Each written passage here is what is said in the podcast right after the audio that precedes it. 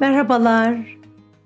Bugün birazcık hepimizin zaman zaman hissettiği ama bazılarımızın daha çok içinde yaşadığı, daha çok başa çıkmak durumunda olduğu bir durumdan bahsetmek istiyorum. Yalnızlık.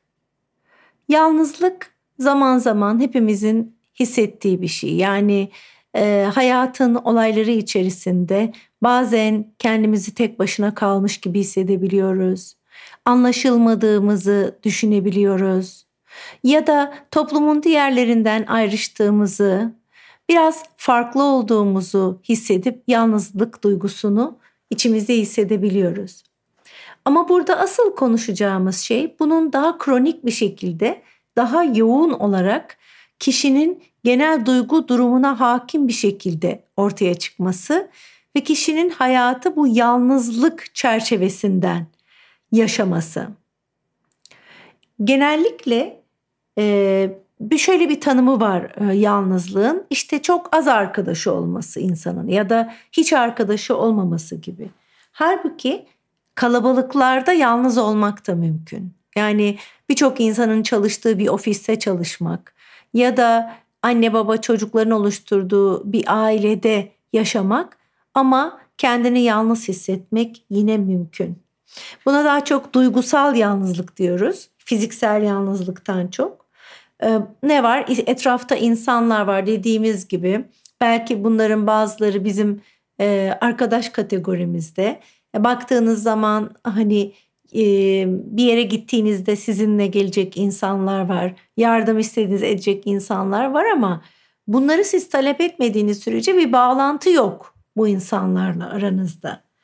Ee, anlamlı ilişkiler oluşturmak sizin için çok kolay değil. Etrafınızdaki ilişkiler daha belli bir düzeye kadar e, size e, yaşam anlamınızda ortaklık eden kişilerle birlikte değilsiniz ve bu yüzden de kendinizi yalnız hissediyorsunuz.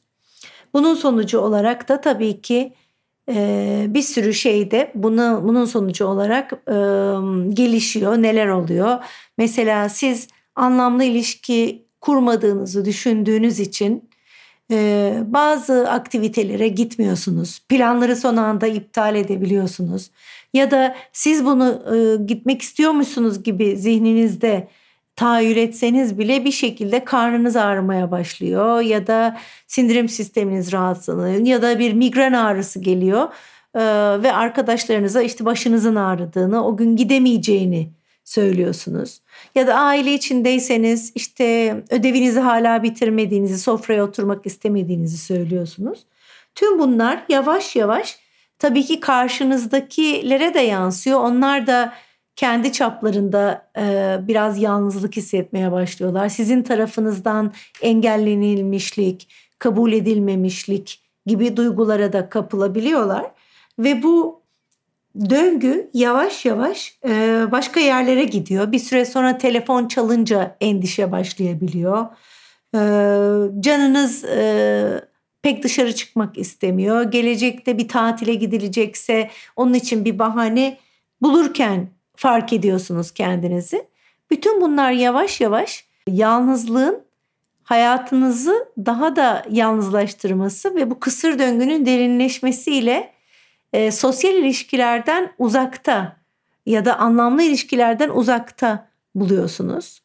Biliyoruz ki insan bir e, sosyal ilişki varlığıdır. Başkalarının varlığında kendi varlığımızı fark ederiz. Biriyle girdiğimiz bir sohbette e, o bize bir şey söylerken hem tabii ki o var ama onun da söylediği bir kişi olduğu için tek başına konuşmayacağı için normalde insan her şeyden önce biz kendi varlığımızı da fark ediyoruz. E, özellikle de bizim yaptığımızı bize yansıttığında, bize geri dönüş verdiğinde, bizimle ilgili görüşlerini belirttiğinde olumlu ya da olumsuz fark etmez. Her zaman aynı fikirde olmak gerekmiyor. O zaman burada e, kendi varlığımızın da fark edilmesi ve kendi benliğimizin de daha e, yapıcı bir şekilde hayatta var olması söz konusu oluyor. İşte yalnızlık bunun olmaması durumu demek. Yalnızlıkla ilgili e, tabii ki yalnızlık kötü bir şey demiyoruz ya da yalnızlığı yargılamıyoruz. Bazı insanlar doğaları gereği, gereği içe dönük olabilir ve her zaman herkesle birlikte olmak istemeyebilir. Ama burada kastettiğim şey daha çok arzu etmesine rağmen anlamlı ilişkilere kişinin sahip olamaması. Burada da e, yapılacak en önemli şey e, bu durumu fark etmek, kendini gözlemlemek ve eğer bu kişinin hayatta duruşuna olumsuz bir e, etki ediyorsa ve kişinin e, daha da mutsuz olmasına, yaşam sevincinin azalmasına sebep oluyorsa bununla ilgili bir uzmanla görüşmesi ve buradan yola çıkarak kendini fark etmesi ve gerekli adımları atması da çok kıymetli. Yalnız yalnızlık konusuna gelecek podcastlerde ara ara devam edeceğiz. Sevgiyle kalın, anda kalın.